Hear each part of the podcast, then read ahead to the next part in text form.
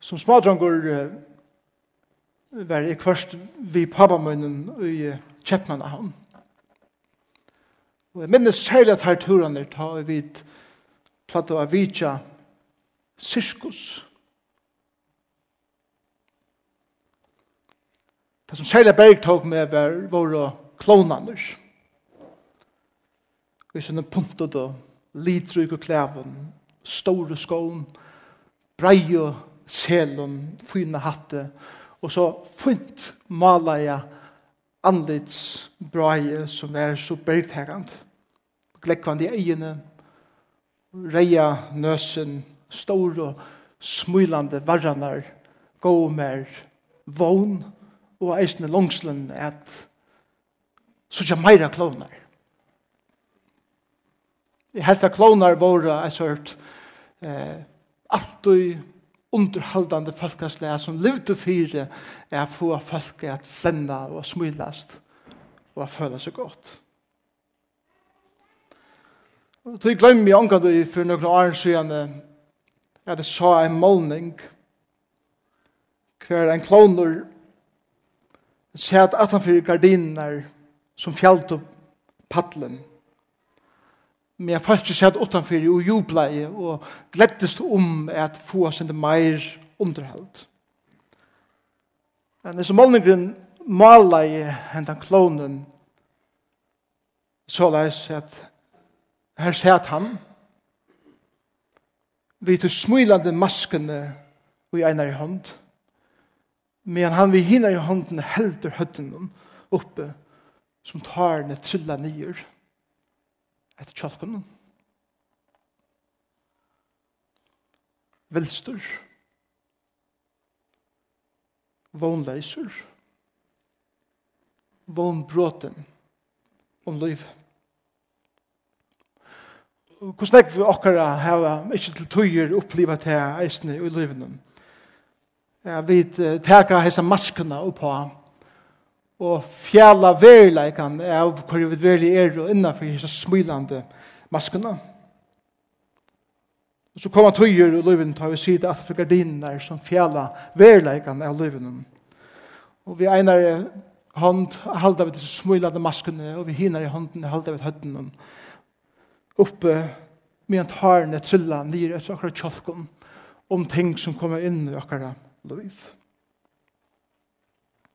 året kloner, sjånleikare, underhaldare, kommer fra griske åren hypokritos.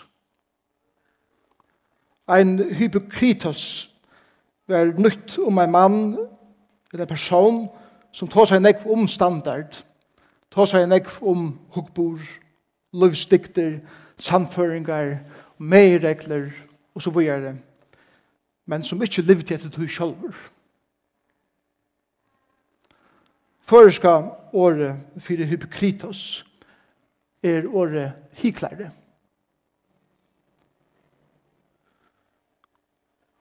Kloner. Og vi ødler er kloner. Anken du. Jeg var av er vi ødler kloner. Ein som sier eit og gjer nek anna. Ein som leder som om man er nek, man er heit nek anna. Ein som vil toknast öllum, men enda vi at skuffa öll. Ein som er oektavur, og ein som ikkje er ein heilur personer. Ein som er tvoi synder, tvoi tungutur, og ikkje ærligur. Ein som teker maskene opp fyrir anleite, og skyner nega anna enn det som er innafyr.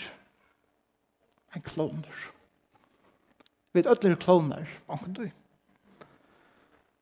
i Galaterbraun for Paulus er bruka hatt og året om Peter apostelen. I Galaterbraun sørger vi en hending som, som Paulus vil luta fire sankumne i Galatia.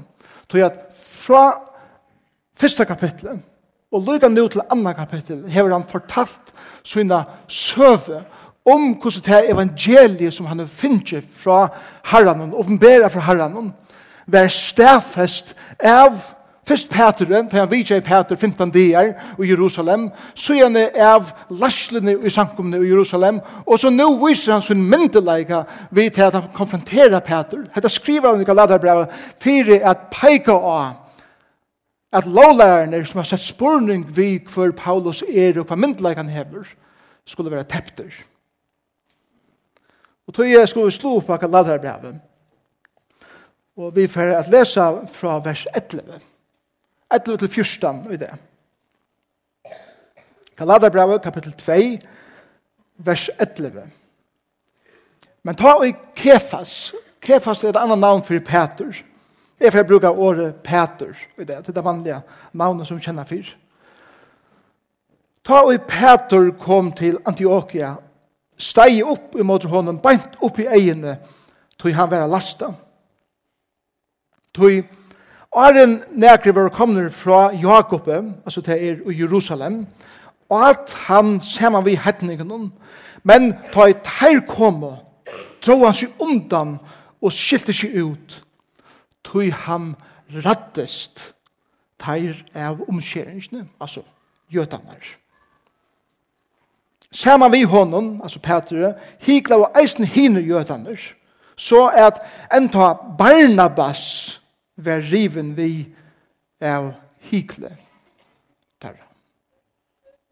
Men ta og jeg sa at her Jinko ikke beint fram etter sannleikene og evangelien, sier jeg vi Peter, så atler hørte, ta i to som gjøte erst, lever som hetninger, og ikke som gjøte, hvordan kan du ta tvinga hetningene at liva som gjøter? Og det Herren sikna sitt år. Og i som versen finnes Paulus herlige at Peter Paulus hei vua sitt liv a prædik evangeliet fyrir Galatia mannen. Ta han ferreist av første ferien til Lystra og Derpe og tar bojen her beint. Væra eina for nesten stein av til deis med han prædik evangeliet. Han brente fyrir sin falsen. Han yngst til at dette falsen skulle være sett i fralse og komme kjenna Jesus Kristus som parafrelsere og er sett fru. Og ønsken skulle komme at hindra tog arbeiden.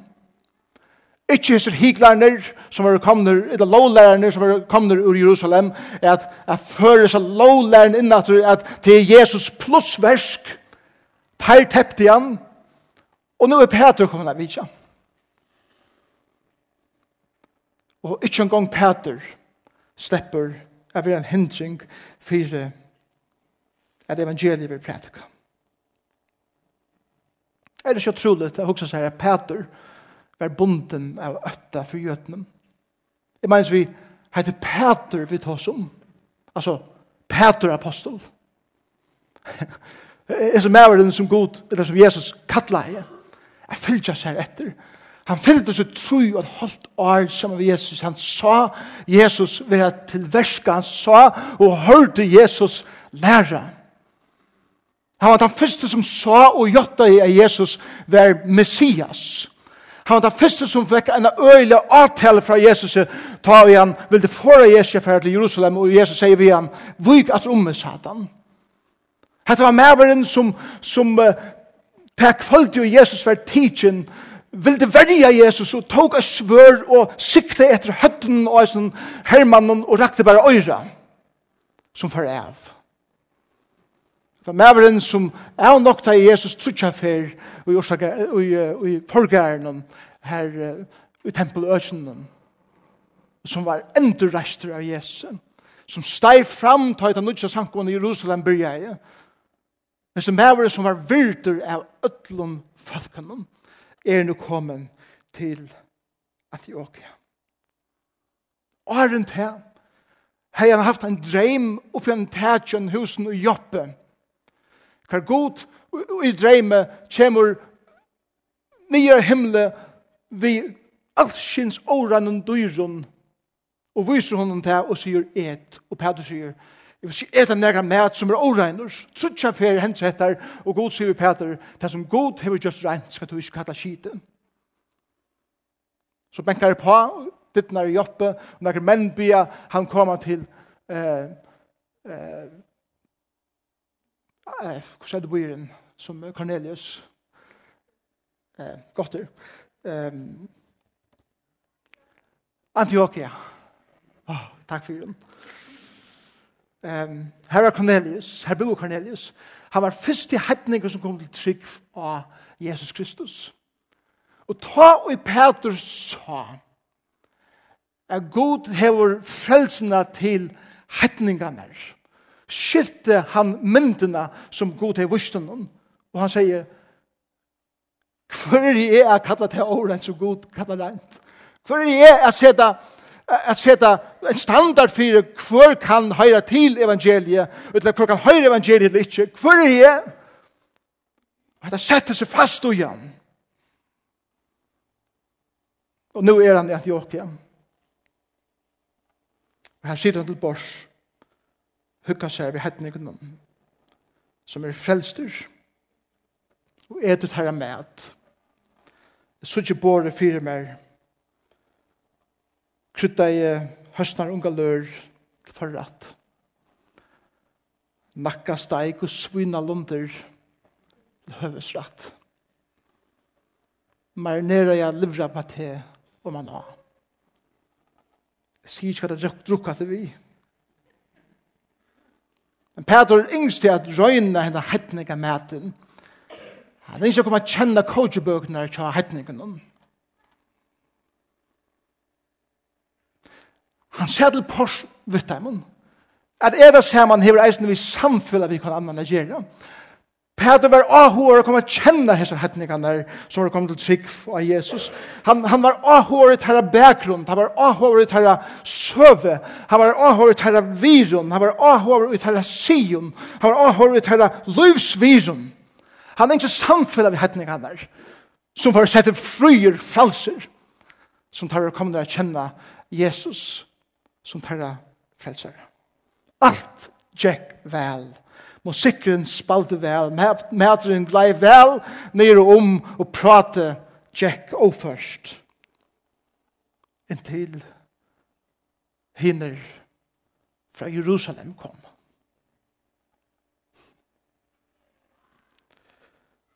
Ta og gjøtene kom. Truste Peters spekler talerskaner vekk. Bevega seg spekler fra borgen om kvarv spekli ur håpen om, og knapplega vær Peter herrivere, og et kosher ved gjøtene. Trobla ikke Peter henne deg var bare at han at Paulus hadde bors eisen. Og han ser hva hender. Paulus ser beina veien hva det er som hender. Ja, Paulus fer etter Peter Han konfronterer han, beint opp i egen i teksten, med han alt hinn i hørte, til at det er en allmenn synd som skal allmenn konfronteres. Så det sa Peter til ham, og han restest, og han sier vi Peter, 14. vers, og etter 14. vers, men ikke nåren, Peter, du er en hiklare, du er falskur, du er oektavur fyrst mot jøtenen, og så vender du der av og er falskur, og og imot hettningen. Du tåsar om å være fralser, men du er bunden av menneske øtta. Du tåsar om å halda Moselov, men du luktar av svinakjøtt. Du tåsar om evangeliet, men du gonger ikke beint fram etter du, og lever etter du. Hva er det du gjørst, Petrus? Og vi kan høyra Årene ekkoa i ui okkara tui. Hva er det du gjerst? Tui klon. Og vid ötter klonar. Det er først.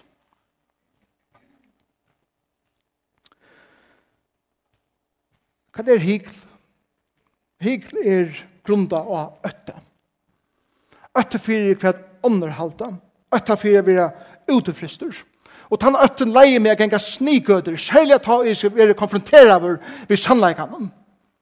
Det er ikke skreiver av ikke, og gjør noe annet enn det som ligger ved den nye og i mer. Og så leis blir vi en hiklare. Og årtøysene 6, 24, sier det så leis, hinn hatske hiklare vi vørnen, men i hjertet noen gang kan vi svitje. Jeg kan si at ting er pent, og det kan leve øyla vel, men djupt nere i hjertet er det ikke det som lever her. Og dette er det som Peter gjør til henne, han sveik sine grunnleggjande løsvirer, tog han bensjen fire noen jøtun fra Jerusalem.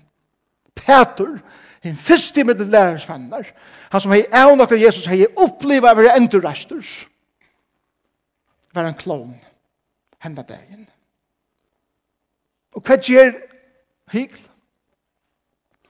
Det gjer det her, og det leser vi i, i vers 12, vers 13, Sama vi honom hikla var eisne hiner jötaner, så at enta Barnabas var riven vi av hikeltarra. Det er det som hikl gjer. Særlig at ha en leier hiklar. Og ikke lever etter sin samføring.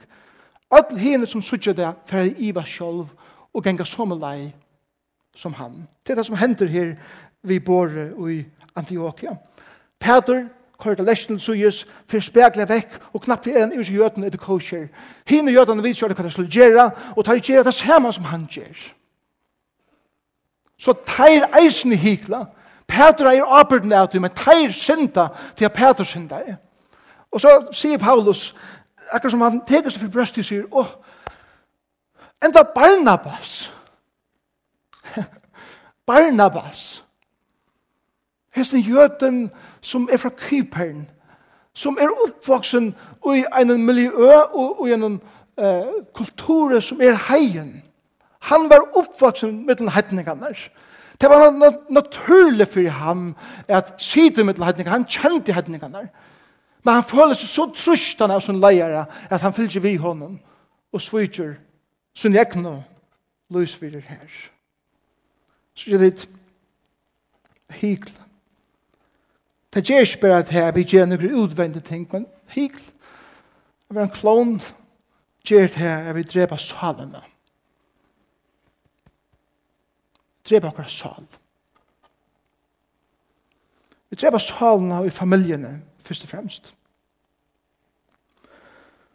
Og så er det skien som hikl kan gjøre av familiene. Jeg må lese et sitat fra Chuck Svindal, ur bogen i Nøyveking, sier så at du har skapat en hurlevesa i løyven og kjøpøtten til bøttentøynen. Skal du bare gjøre det, eller oppføre det som en hiklare. Det er rikker. Oppe alt hei vi lovlære og utvarsles i.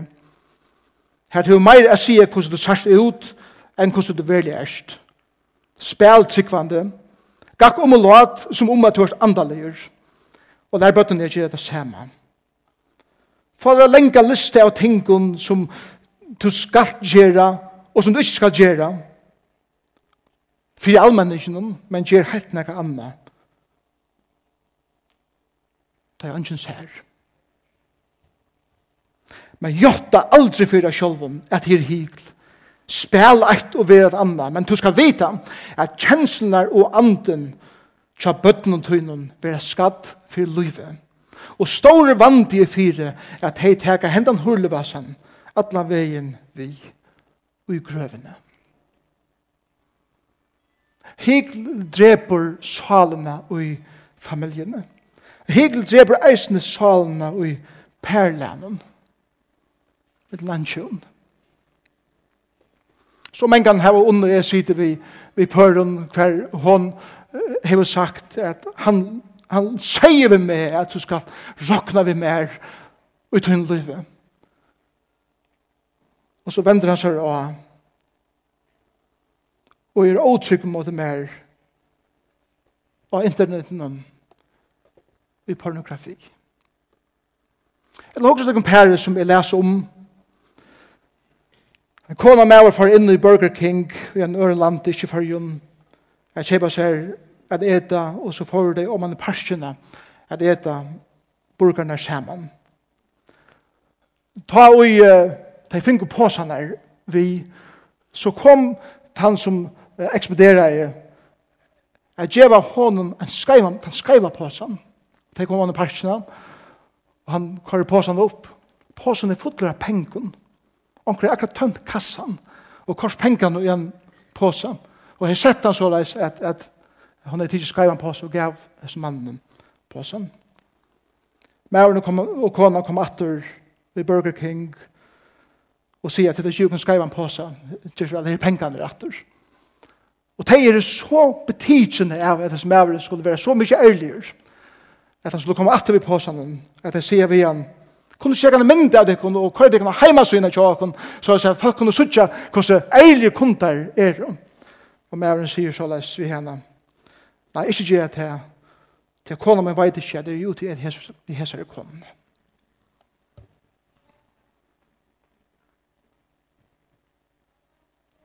Så det er øyne vel møvlet. At vi er reilig og imenskon økene og løyve. Og være pura skreiver og til hikl. Og så det kom hvordan hikla eisene kan øye okkara samkommer og troarløyv løyv i okkara egna land. Hvordan er det vidt som samkommer? Tala vi vel om æra samkommer og kyrkjer og menigheter i okkara landet. Tåsa vi vel om ånder. Ta vannig vi gjerra. Men hva høyre bøttene heima vi nåttra båret? Ta vi ta oss om hvordan de gjør det her, og hvordan henne er det her, og hvordan henne er fører seg, og henne kyrkjen og samkommen. Hva høyre til? Hva gjør det vi til? Hokus dykkan, visse løyve i fargen eh, skulle det være så les at brørene ikke vil samstarve med folkekyrkjene. Folkekyrkjene ikke vil frikyrkjene. Frikyrkjene ikke vil misjonene. Misjonene ikke vi pinsene. Og pinsene ikke vi brørene. Misjonene Og vi har snakket om at nå er heimen. Men ikke noen av okken, vi er ferdig ut i heimen. Og blir vi være her. Til hikl. Tog jeg vet at ta seg vel om hver annan. Eisen tar vi dere også samt om imens ting, så tar seg vi vel om hver annan. Og, det er ting som skulle ta seg om, ta seg om innan huses som er nøye å ta om. Jesus, han gav sine mest tiktande år til de andalige leierne og farsierne og de religiøse leierner i Israel. Matteus kapitel 23 er fotler av sin akærnen i måte de religiøse leierne. La meg bare tenke tve vers ut for hvordan Jesus ser på hikl. Hvordan Jesus ser på de som fører seg som kloner. Og det evig vi. Onkan du. Jesus sier, men vei tikkun til skriftlærde og farsianer, higlare tikkare. Så det stundja rujtje himmelrujtjes fyrir menneskjen, sjolver ferdet ikkje inn ui te, og taimon som vilja færde inn, tjeva tid ikkje løyve affæra. Og så sier han sin 17. kapitlen om, vei tikkun til skriftlærde og farsianer, higlare tikkare til det lujast kolkavun grøvun, som jo er vekar er suttja utan, men er fotlar innan av degjum beinum og atlare overenska. Så la her Jesus på hikl. Så sier Jesus på en som sier eit og gjør nekka anna. Lev som om han er eit og er heilt nekka anna. Og tog må vi kalla hikl for synd. Og vi må lære å kalla synd synd og i okkar liv. Det er ønsken av okkar er utanfyr vandan at hikla. Ønsken av okkar er immuner fyrir at hikla av okkar. Minst til at Peter var en sterskur, leiande, andalig leiare. av sin tog? Og han fall i hettar at han hikla i. Og ikke bare at han dro under viser i hikla, som gjør det til at, at frelse og evangeliet var vannverst av teimen som stod utenfor i hukte er at hesten her skoespelen som gonger fyrir til lovlæra og higle genga mengan hånd i hånd og det er svikali og det er lønsk og det som innskja toknas menneskene er det som fettla sjåtast og i higle til det er bensjen fyrir hva andre huksa men det som ikke er bensin, det som er øttaleis er meir som Paulus og tåra reisa seg og at tala et og finna seg et og tåra sitt år og tåra kalla higl for synd og tåra kalla synd for synd. Jeg bensin fyrir at en av største tragedian av okkar døven er det som er hent oppe og i talarstolen i nekven av okkar sankumon og kyrkjon og meinigheten og så videre rundt i okkar landet. Og ikke bare okkar landet, men så nekva stenner. Er til at predikumenn er fallner i hesson at tåra, er kalla synd synd og at hjelpa folk at behandla synd som synd eier er vera behandla. Men jeg tror jeg vil huksa så mange mer om at få folk inn at mer og mer folk skulle komme, så har vi blek og året synd borster. Domstratter har gjort synd til kriminalitet. Salafrøyngar har gjort synd til et kompleks. Vi vet ikke hva Øsle de her kjær tid. Da vet ikke tåre kalla synd for synd og hil for hil. Øsle de her til jeg vet alt kunne si at Ønsken er synder. Men vi er ødler hiklere, vi er ødler syndere, vi er ødler kloner av å. Det er en mengan, mengan bedre vever av genga, kære brøver og søstre. Og til å velja at sætta seg fire er å være ekta av. Sætta seg fire er at liva det fralse som Jesus Kristus har sett meg i. Ikke spil for galerøynen. Ikke religiøst tvatt. Ikke sige eit og gjøre helt noe annet. Ikke sjånleger her år er det bøylig og gjøre er det vammelsleger. Ikke smilende maska her tårene trilla nye til kinnen innanfyr. De som er ekta er øtta men de er ryk i verset djørv, men ryg i nøye, frals, men ryg i karlæga. Det er lett ui ånder, verlig. Det er som velger at han bedre veien av genga, og livet fralsen, lett ui ånder mennesker, verlig. Det er eimjuk av sonnen, verlig de elsker av en reine hjerte.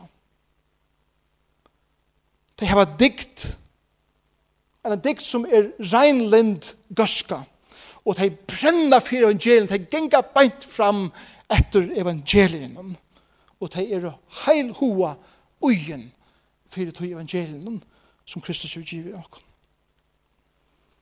Jeg er så glad for at apostelsåren gjør okken søvende vujere om Peter. Så jeg Peter kjær tid brøttest. Han tog settene. Vær en øyla områdende sankommefunder i Jerusalem. Han er omskrivet i apostelsåren 15. Hver spurningene vil tidsen opp. Og hette er 18 av Galaterbrevet skriva. Paulus, og tar som fylgjast vi honom, og teir eh, leiande i Jerusalem, og eisen teir som er lovlærer, møta saman, og teir fyrir vidtjene spurningin, skal denne vera vera såleis, at ein hettningur som kjemur til trygg av Jesus Kristus, skal fyrst blå gjøte, er vera omskurinn, halda, halda lovuna, og at skifta medvenner, skal ta vera vera såleis. Og som fundur han, han, han er lustur i Apostelsen 15. Men ena senar i Aposteln 15, her reiser Peter seg opp. Nu som han brøtte med over, byggven, sanner, øtta leiser. Han reiser seg opp i fjöldene.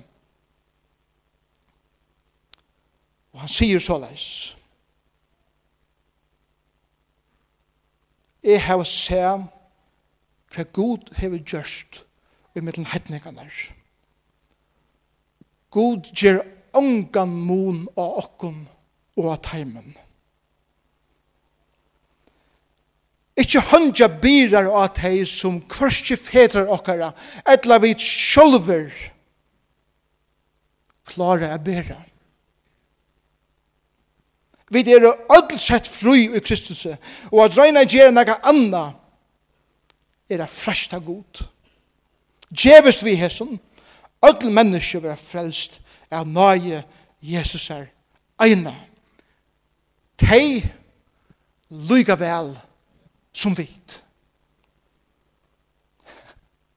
Og så setter jeg hans nyer. Og da stender at ødel sankom var pura frihallig. Og i virringen fyrir som mannen Som eina for ei hikla. Som egnet for ei spalt klon, Men nå tørte jeg reise seg opp og tala sannleikan. Og så gjør det Sett ned i livet og skriva jeg Peter tvei prøv. Og det som jeg elsker ved Peters prøvnen er til at alt det som Peter struttest vi i sin liv, særlig fra byrjan av at han leif fra meg, han sier for meg, han var nøye leiser, og alle stingsene fordømande, det er høves evnene i hans her brøven. At han skulle ikke være. Han var en bonar med oss. Han var voksen og sin trygg sammen med Jesu. Og jeg må lese ett vers 4, som han skriver i første brev, sønne kapittel 2, vers 1. Her sier han bare, og jeg stod så leis.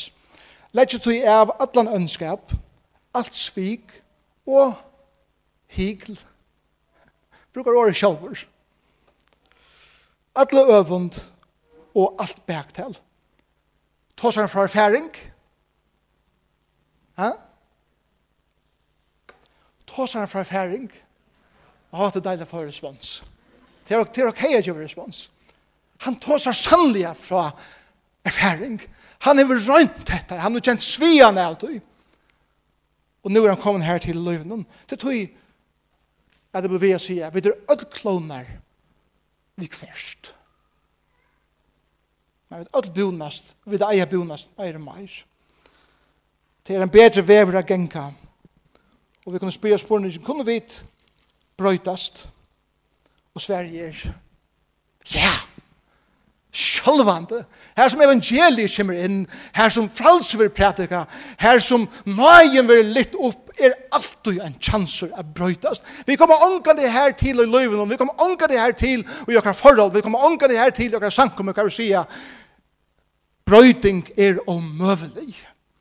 God som reiste sin deia son opp fra henne deia, kan brøyta tukt og mot loiv. Og det kan man. Hvordan gjør vi det?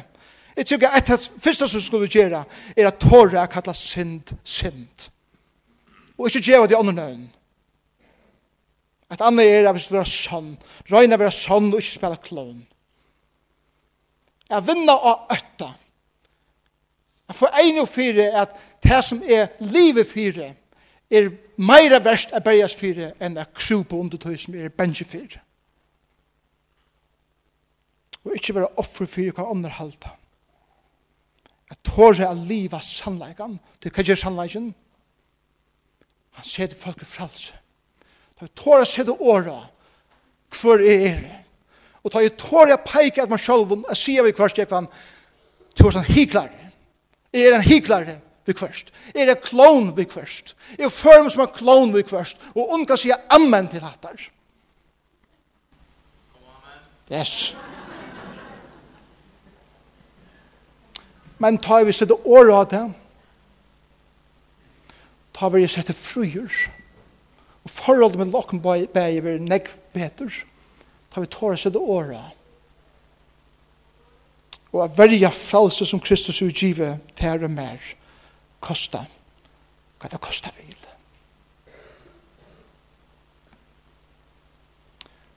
Vi er ødler kloner ut først så gjør det Jesus døy eisen for klonar er ikke fantastisk Ångastander i Bibelen stender klonar ekskludera er. Prys i herrene fyrir til Og kanskje er svinni her i morgen til føle som en klon. Og kanskje er det oppført som en klon. Men Jesus støy er svinni fyrir til henne klovna gjer. Og for munner. Jesus støy fyrir til henne synd.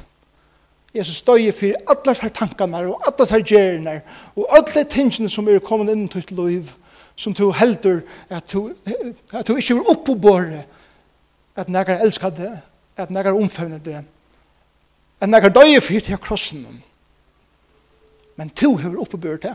God sier det, ikke jeg. Han døye fyr til. Han gav sitt liv fyr til.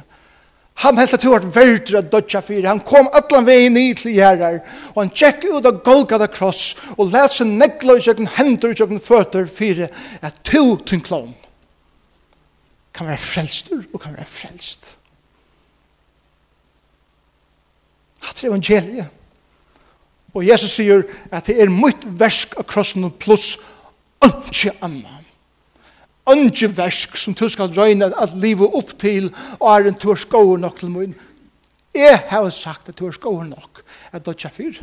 Og vi trykker Jesus ved vi tidsen inn i forhold til ham som skal leie oss alle veien heim en dag standa framme for ferien. Og ferien for å si er du en klon? jeg er en klon, men jeg er jo Jesus. Og han vil si, åh, det var godt. Det er det som han vil gjørst, gå til ikke er. ikke Anna vil gå til ikke, han det er, vi standa framme for det, ha seg det godt i himmelen. Vi kunne komme ved øtlen akkurat langt listen, vi kunne komme ved øtlen akkurat avrikon, og akkurat titlen, at for akkurat navn, og akkurat eh, personlighet og hvordan vel vi ser ut og så videre. Ikke av tog for å telle den dagen. Ta i god for å spørre til, kjente du min son? God elskar sin son. Og til det eneste standard, og til det eneste malestokkeren som God brukar, ikke annet. Så jeg får bjøret her i dag, om du har kommet inn her, og du er enda ikke bøkt henne knø for Jesus Kristus. Jeg bare tenker mot til hånden i det. Han bjør at her jeg kommer til søgn og sier God er en klon. Men takk deg for Jesus døg for meg av krossen. Vil du fire gjøre mine sent og tenker meg inn etter her. Og han gjør det så såleis. Og du skal være frelst, du skal være frelst. Du skal genge iver om fra deg til liv, fra mørskene inn i ljøset liva seg i hånden etter hefer. Kæra luften, kæra brøver og systrar som heva finnes jeg ein og fyrir for Jesus er jo hva han gjørst til liv. La dere være mennesker som tar vid dere kloner og tar vid anker døy. Jeg sier året til å være sjålt av byen å være sjålt av vilja brøytast, å være sjålt at hele vel om ånder, Jeg var sjått at hele sannleikene, og ikke sier noe som vi ikke mener, og ikke føler på en måte som vi setter ikke er, men jeg var ekteie, tryggvande, Jesu etterfylgjerer, som lever ikke i øtta for mennesken, men en djupen karlæg som er god. Amen.